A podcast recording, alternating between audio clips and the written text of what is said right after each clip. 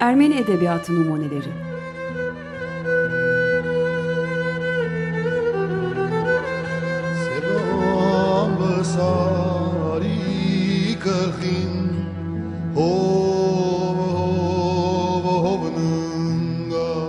Hazırlayanlar Paylin ve Yetvart Tomasyan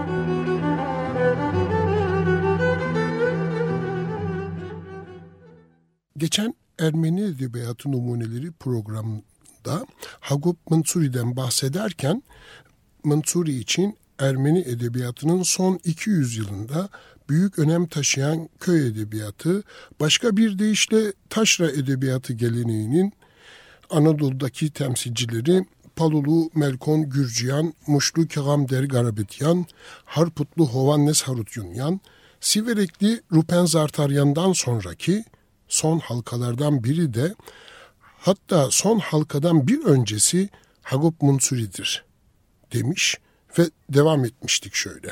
Günümüzde ise Mıgırdiç Margusyan Diyarbakır'ı, Siveri'yi, Heredan'ı anlatarak bu geleneği sürdürmektedir. Gelin bugün Ermeni Edebiyatı Numuneleri programında günümüzde Ermeni taşra edebiyatı janrını sürdüren Mıgırdiç Margosyan'dan ve onun kült eseri Gavur Mahallesi'nden bahsedelim. Margosyan 1938'de Diyarbakır'ın Hençepek Mahallesi'nde yani Gavur Mahallesi'nde doğar. 1953'te ana dilini öğrenmesi için İstanbul, Üsküdar'da yeni açılan Surpaç Tıbravank Okulu'na gönderilir. Daha sonra İstanbul Üniversitesi Edebiyat Fakültesi'nin felsefe bölümünden mezun olur ve bu kez Surpaç Tıbravank Okulu'na felsefe, e, Ermeni dili ve edebiyatı öğretmenliği ve okul müdürlüğü görevlerini üstlenir. Edebi çalışmalarını aralıksız sürdürür, öyküleri günlük Ermenice Marmara gazetesinde yayınlanır. Çoğumuzun bildiği gibi Margosyan önceleri Ermenice yazıyordu.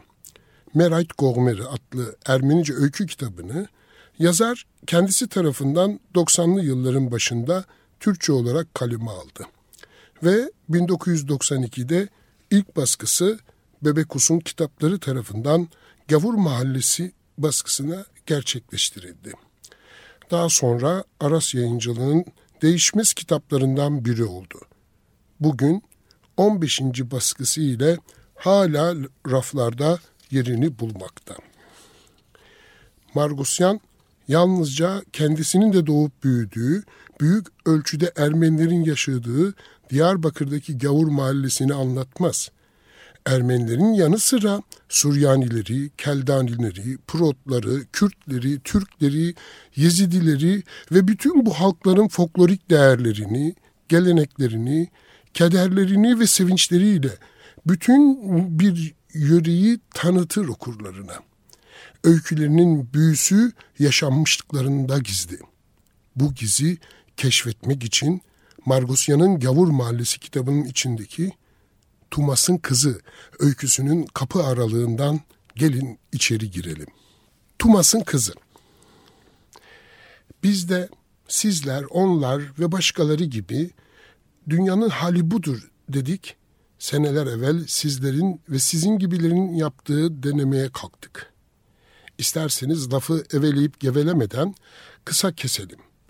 Bildiğiniz gibi laf uzadı mı kabak tadı verir, kokuşur. Evet, artık tam zamanıdır dedik ve evlendik. Evliliğimiz basit, sıradan bir evlilikti. Önce zeminini hazırlamak gerekiyordu. Öyle de oldu.'' Daha doğrusu zeminini, ortamını yaratmak biraz da bana düşüyordu. Ne de olsa ben de erkektim ve bizim oralarda ilk adımı erkeklerin atması doğaldı. Bizim hikayemiz de hemen hemen sizinkinin benzeriydi. Büyük bir fark yoktu. Zaten olamazdı da. Çünkü ben de geleneklere saygılıydım. Tıpkı sizler gibi, babam gibi. Eh ne de olsa ben de Adem babanızın soyundan geliyordum. Adem babamız da gününün birinde Havva annemizle evlendiğine göre ben neyi bekleyecek, niçin bekleyecektim? Beklemedim. Zaten 16 yaşına kadar beklemekten canım burnuma gelmişti. Daha da mı bekleyecektim? Gerçi sabreden derviş muradına ermiş gibi laflar edenler pek çoktu ama benim o tür sözlere doğrusu karnım toktu. O tür laflara da pek aklım ermiyordu. O günlerde aklımın erdiği şuydu. Madem ki ben de babam gibi uzun pantolon giyiyordum, o halde evlenmeliydim. Öyleyse neden olmasındı? Bu konudaki düşüncelerimi artık birilerine açmamın zamanı gelip geçiyordu neredeyse. Bizim oralarda büyüklerimiz bir araya gelip sohbete koyulduklarında küçüklerin susup dinlemesi kuraldı. Aksi takdirde ensene inen bir tokatla kısacık boyunda yeri yıkılır, toprağı öperdin. Ben bu gerçeği birkaç kez boylu boyunca yere yuvarlanıp toprağı öperek anladım. Böylece dinlemeye, dinleye, nihayet bir kızın güzelliğini doğru dürüst anlamanın en iyi yolunun onu hamamdan çıkarken görmek olduğunu belledim. Ben de böylece büyüklerim sözlerine kulak asarak, saygı duyarak gerekeni yaptım ve doğruca evimizin en yakın hamamı Paşa Hamamı'na gittim. Kapısının önünde nöbet tuttum.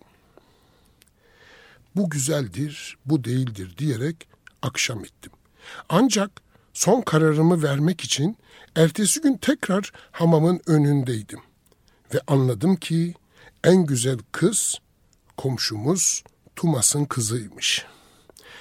Gerçi ben Tumas'ın kızını daha önceleri de çok görmüştüm ama hamamdan çıkarken ilk kez görüyordum. Bizim oralarda erkek kızı çok sevdi mi vuruldum der. Ben de Tumas'ın kızına vurulmuştum. Ama ne vurulma.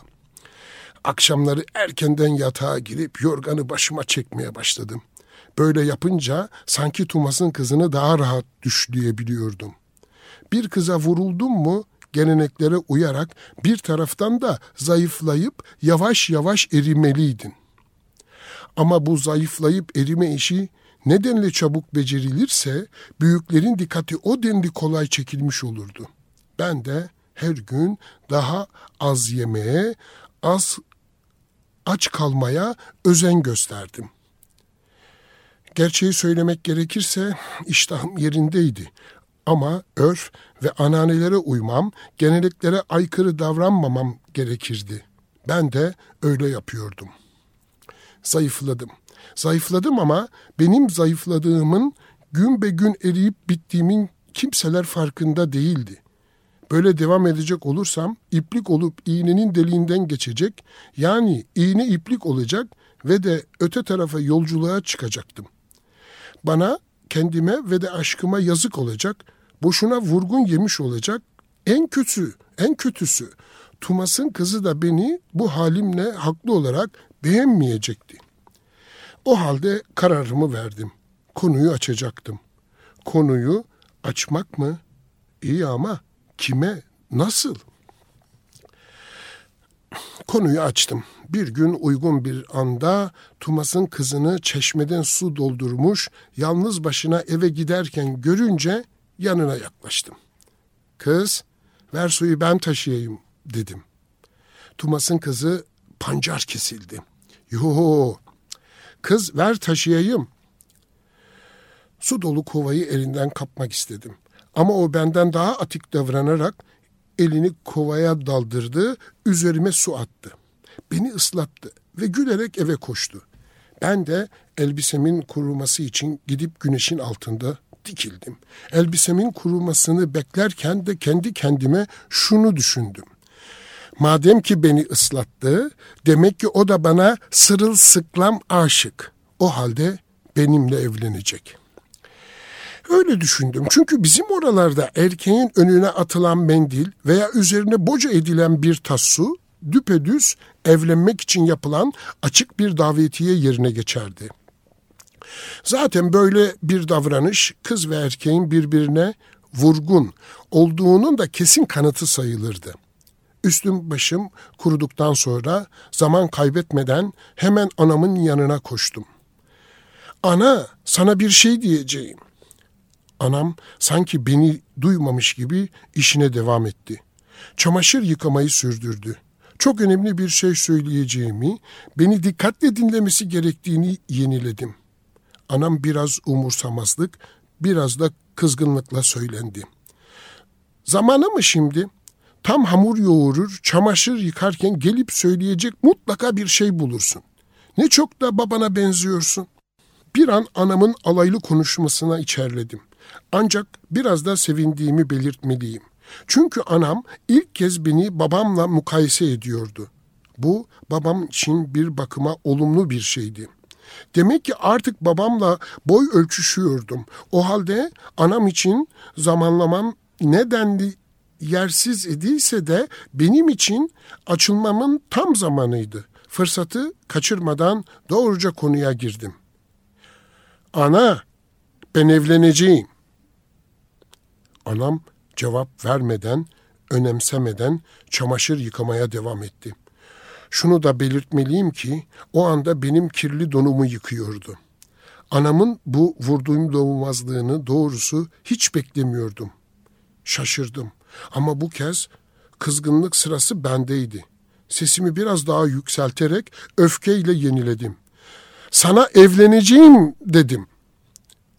Anam çamaşır leğenindeki donumdan başını yukarı kaldırdı, yüzüme baktı, gözlerini gözlerime dikti, patladı patlayacak bir ifadeyle bir müddet öyle baktıktan sonra diyerek başını bir sağa bir sola salladı, diyeceğini sanki yutuyor gibi yutkundu, başı önüne eğdi. Bu kez hırsla çamaşır teknesinden çıkardığı donumu yanındaki kocaman taşın üzerine koydu. Daha iyi temizlenmesi için de eline aldığı tahta tokaçla tokaçlamaya başladı. Sırası bu kez bendeydi. Sesimin en yüksek perdesiyle adeta haykırdım.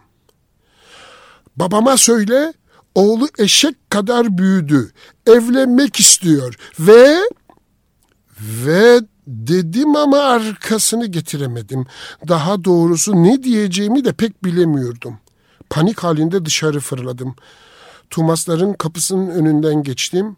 Köşeye aşık oynayan arkadaşlarıma katıldım. O akşam her zamanki gibi yemeğimizi yedikten sonra ben erkenden yatağıma girdim. Erkenden yatağıma girmemin iki nedeni vardı. Birincisini biliyorsunuz. Tumas'ın kızını daha iyi düşleyebilmek. İkincisi ise anam ile babamı baş başa bırakıp onların benim hakkımda konuşmalarına olanak tanıyarak benim evlenme konumun görüşülmesine yardımcı olmaktı. Nitekim öyle de oldu. Yandaki odadan Kürtçe konuşmaya başladıklarını duydum. Aslında Kürtçe çat pat anlıyordum. Ama onlar bu gece belli ki benim duyup bir şey anlamamı önlemek için Kürtçe yerine benim hemen hemen hiçbir kelimesini anlamadığım Zazaca konuşuyorlardı. Anamla babam o gece bitmez tükenmez konuşmalarını hep Zazaca sürdürdüler. Ertesi gün nedense erken uyandım. Ama yatağımdan çıkmaya pek cesaret edemediğim için sanki uyuyormuş gibi davranarak babamın işe gitmesini bekledim. Babamın öksürük sesiyle dış kapımızın kapandığını aynı anda duyduğumda yataktan fırladım. Kahvaltıda anamın suratı bir karıştı. Ama hiçbir şey konuşmadı. Anamın bu suskunluğu karşısında daha fazla sabredemeyerek sordum. Ne oldu? Babam babama söyledim mi? Anam hiç düşünmeden, duraksamadan hemen cevabı verdi. Söyledim. E ne söyledi? Evvela aç karnını doyursun, sonra evlenmeye kalksın dedi. Anam sözünü tamamladıktan sonra hemen ayağa kalktı ve sanki koşup bir yerlere yetişecekmiş gibi aceleyle sofrayı toplamaya başladı. Ben hiç beklemediğim bu cevap karşısında şaşkın, kırgın Sordum. E bu sefer anam sabredemedi ve patladı sonunda. Daha dünkü çocuksun. Evlenmeye kalkıyorsun. Evlenmek kim? Sen kim? Karı sahibi olmak kolay mı zannediyorsun? Kızın karnını nasıl doyuracaksın? Anam makinalı tüfek gibi saldırıya geçmişti. Belki de daha çok konuşacaktı. Ayağa kalktım ve dengesizce bağırdım. Mide, mide, mide. Başka bir şey yok mu bu dünyada? Var, var tabii ki. Ama her şeyin de bir zamanı var. Evvela şu okulunu bir bitir. Askerliğini yap. Üç beş kuruş para kazan. Elin ekmek tutsun. Ondan sonra ne yiyeceksen ye. Doğrusu anamı bu kadar kızgın, bu kadar öfkeli ve de bana karşı bu kadar acımasız ilk kez görüyordum. Genelde uysal, verici, herkesin hakkına saygılı olan anam sanki gitmiş bu tavrına hiç tanık olmadığım yabancı bir kadın gelmiş, tepeme çöreklenip oturmuştu. Sesimi çıkartmadım. O öfkeyle konuşmasını sürdürdü. Hem sana kim kız verir? Kim seni ister? Ben kızı buldum. Anam herhalde böyle bir cevap beklemediği için biraz şaşkın ve biraz da merakla sordu. Hangi kuş beyinli aptal aklını çeldi? O kuş beyinli aptal maptal değil, Tumas'ın kızıdır. Ne? Tahtası eksik Tumas'ın kızı? O sümüklü Şuşan mı? Anam daha fazla devam edemedi, ağlamaya başladı. Ben anamın yüzündeki gözyaşı selini görünce şaşırdım. Kemik yutmuş ama yutarken de becerememiş, yutkuna yutkuna kızarmış bir it gibi hissettim o anda kendimi. Ama artık yutkunamayacaktım. Bu kadarı da fazlaydı doğrusu. Anam benimle düpedüz alay ediyordu. İstikbaldeki gelinini sümüklü diye anıyor, bir de benim zevkimi kınıyordu. Bu tutumuyla da beni kararımdan caydırmaya kalkışıyordu. Şuşan hiç de anamın istediği gibi birisi değildi. Ben hamam önlerinde boşuna mı bu kadar beklemiş, boşuna mı ince eleyip sık dokumuştum? Bu olsa olsa bir kaynananın gündüz gözüyle gelinine çamur atması gibi bir şeydi. Onun için anamın gözyaşlarına tepkim çok sert ve erkekçe oldu. Sümüklü de olsa isterim. Evet, sümüklü de olsa Tumas'ın kızıyla evlenmeye karar vermiştim. Ama gelin görün ki hevesim kursağımda kaldı. Olmadı. Babam hayır dedi. Evimizde babamın kararları tanrı buyruğu gibi bir şeydi. Değişmezdi. Değişmedi de. Böylece ilk aşkım da gelenek ve göreneklerimizin kurbanı oldu. Tumas'ın kızı Sümüklü Şuşan'ımı başkasıyla evlendirdiler. Ben okulumu yarım bıraktım. Babamın yanında onun mesleğini öğrendim. Eşekleri semer dike dike semerci ustası oldum. Dört yıl sonra da e, artık elin ekmek tutuyor, evlenebilirsin deyip beni Hacer'in kızıyla evlendirdiler. Şimdilerde Tumas'ın kızına sokakta her rastladığımda başımı önüme eğerek yürüyorum. Karım hamile. Kız doğurursa adını Şuşan koysam mı? Mıgırdiç Margosyan'ın Tumas'ın kızı öyküsü burada son buluyor. Şimdi sıra geldi şiir köşemize. Mıgırdiç Margosyan Gavur Mahallesi öykü kitabından başka Söyle Margos Nerelisin, Biletimiz İstanbul'a kesildi adlı iki öykü kitabının yanı sıra bir de Tesbih Taneleri adlı anı roman kitabı var. Bu edebi işlerden ayrı Margosyan uzun zamandır çeşitli gazetelerde köşe yazarlığı yapmış ve hala yapmaktadır bu köşe yazarlarını da e, köşe yazılarını da Çengelli Zurna, Kürdan, e, Kirveme Mektuplar başlıklar altında kitaplarda toplanmıştır. Şimdi size Çengelli kitabından Sevgi Meselesi adlı yazısını okuyacağım. Bu yazı İhsan Biçici'nin Vay Lemin'in şiiriyle sonlanmaktadır. Böylece Ermeni Edebiyatı Numuneli programının şiir köşesini de tamamlamış oluyoruz. sevgi meselesi. Bu yıl ilk kez gerçekleştirilen birinci Diyarbakır Kültür, Turizm ve Sanat Festivali etkinliklerine katılmam için aldığım çağrıya olumlu veya olumsuz bir yanıt vermeden önce doğrusu epeyce düşündüm. Son zamanlarda meydanı hep gündemde olan doğduğum şehir Diyarbakır'ı, hani tabiri caizse dünya gözüyle bir kez daha gidip görmeli miydim? Kitaplarıma konu olmuş, yaşamının bir kesintini vermeye çalıştığım Diyarbakır hep hayalimdeki gibi mi kalmalıydı? Bu konuda daha fazla düşünmeme fırsat vermedi şair. Diyarbakır dört kapı, gel bah o yar ne yapi diyordu türkü olmuş dizeleriyle. Evet, 42 yıl önce ayrıldığım ve 30 yıllık bir aradan sonra geldiğim, benim için yar ve hasret kokan bu diyarları şimdi nasıl anlatsam? 5000 yıllık bir maziye uzanan tarihini, son zamanlarda çay önünü de yapılan arkeolojik kazılarla 7500 yıllık bir tarihe dönüştüren bu şehir. Amida'yı nasıl anlatsam? Şehri çepeçevre çeviren kara bazalt taşlı, heybetli ve muhteşem surlarının zamana karşı bu denli direnmek için nasıl çaba harcadığını onun kadar bileni var mıdır acaba? Taşların dilinden anlamam ama eğer bir gün bu taşlar konuşursa, evet bir gün şayet bu taşlar dile gelip haykırırsa, insanların neden birbirleriyle kardeş ve dostça yaşamadıklarının hesabını bize soracaklar. Evet, bu taş kalpli, taşlardan bir gün insanlar çok şey öğrenecekler. Olsun. Yine de her şey güzel. Bunca yıllık bir aradan sonra tanımadığım ama sevgi dolu insanları kucaklamanın keyfini yaşadım. Evet, bir hemşerimizin bizim yöre diliyle vay limin diye yazdığı bir şiirle tanıştım buralarda. Kucakladım bu sevecen insanı, bu insana saygı duydum.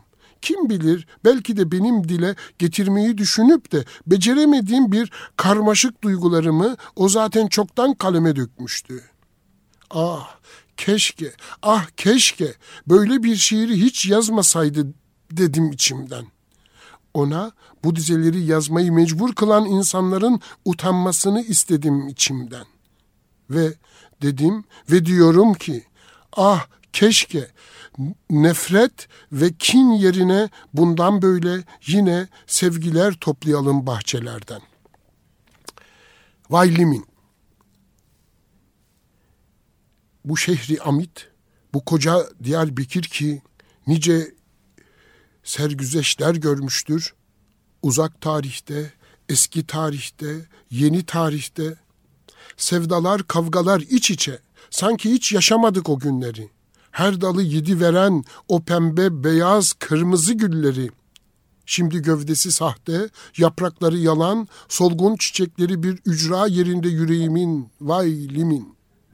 Eski sevgilileri arar gibi, eski resimlerde yad edip seni.'' Bir gece kondu ormanına çevirdilir ben seni. Camini cehalet kaplamıştır, örümcekler sarmıştır kiliseni. Yıkılmış direği can evimin, vay limin. Nerede o hamravatla yıkanmış sokaklarda el ele vermiş görkemli yapılar? İnan, Kızı Angel kadar güzeldi Ermeni dikranın süslediği kapılar. Şimdi mahalleler yastadır, sokaklar kan, revan, sen artık sonbaharsın sevgilim, vay limin. Öylesine arif ve kamil, Boti Resul, Kürt Mikail, Türkoğlu Cafer, Suryani Hüsnü, Ermeni Hayik, Müsevi Şamun, Zaza İsmail. Eşi menendi görülmemiş bir mozaik. Şimdi bir kanlı mendil gibi ortasında ellerimin, vailimin. Berdebür'de, Hasavar'da, Sarı Kız'da, Cinali'de, şimdi yıkık, viran, pejmurde, Hami Köşkü, Pamuk Köşkü, Ağulu Dere. Her gün bir ceset gömmedeyiz. Bir zamanlar sevgililer topladığımız bahçelerde. Yaşı dinmiyor gözlerimin. Vay limin. İhsan Biçici. Ekim 1995 Bugün bize ayrılan zaman doldu. Sizlerle Diyarbakırlı Mıgırdiç Margosyan'ın Tumas'ın Kızı öyküsü ile yine Diyarbakırlı İhsan Biçici'nin Vaylim'in şiirini paylaştık. Buradan Açık Radyo'nun Açık Dergi, dergi programından Diyarbakır'ın güzel insanlarına sevgi, selam ve hürmet eder programımızı sonlandırırız. Bir başka Ermeni Edebiyatı Numuneleri programına kadar sağlıcakla kalınız.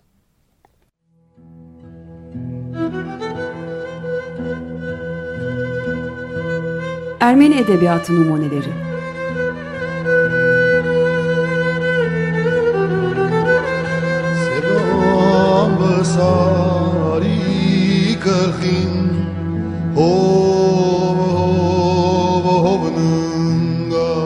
Hazırlayanlar Paylin ve Yetvart Tomasyan.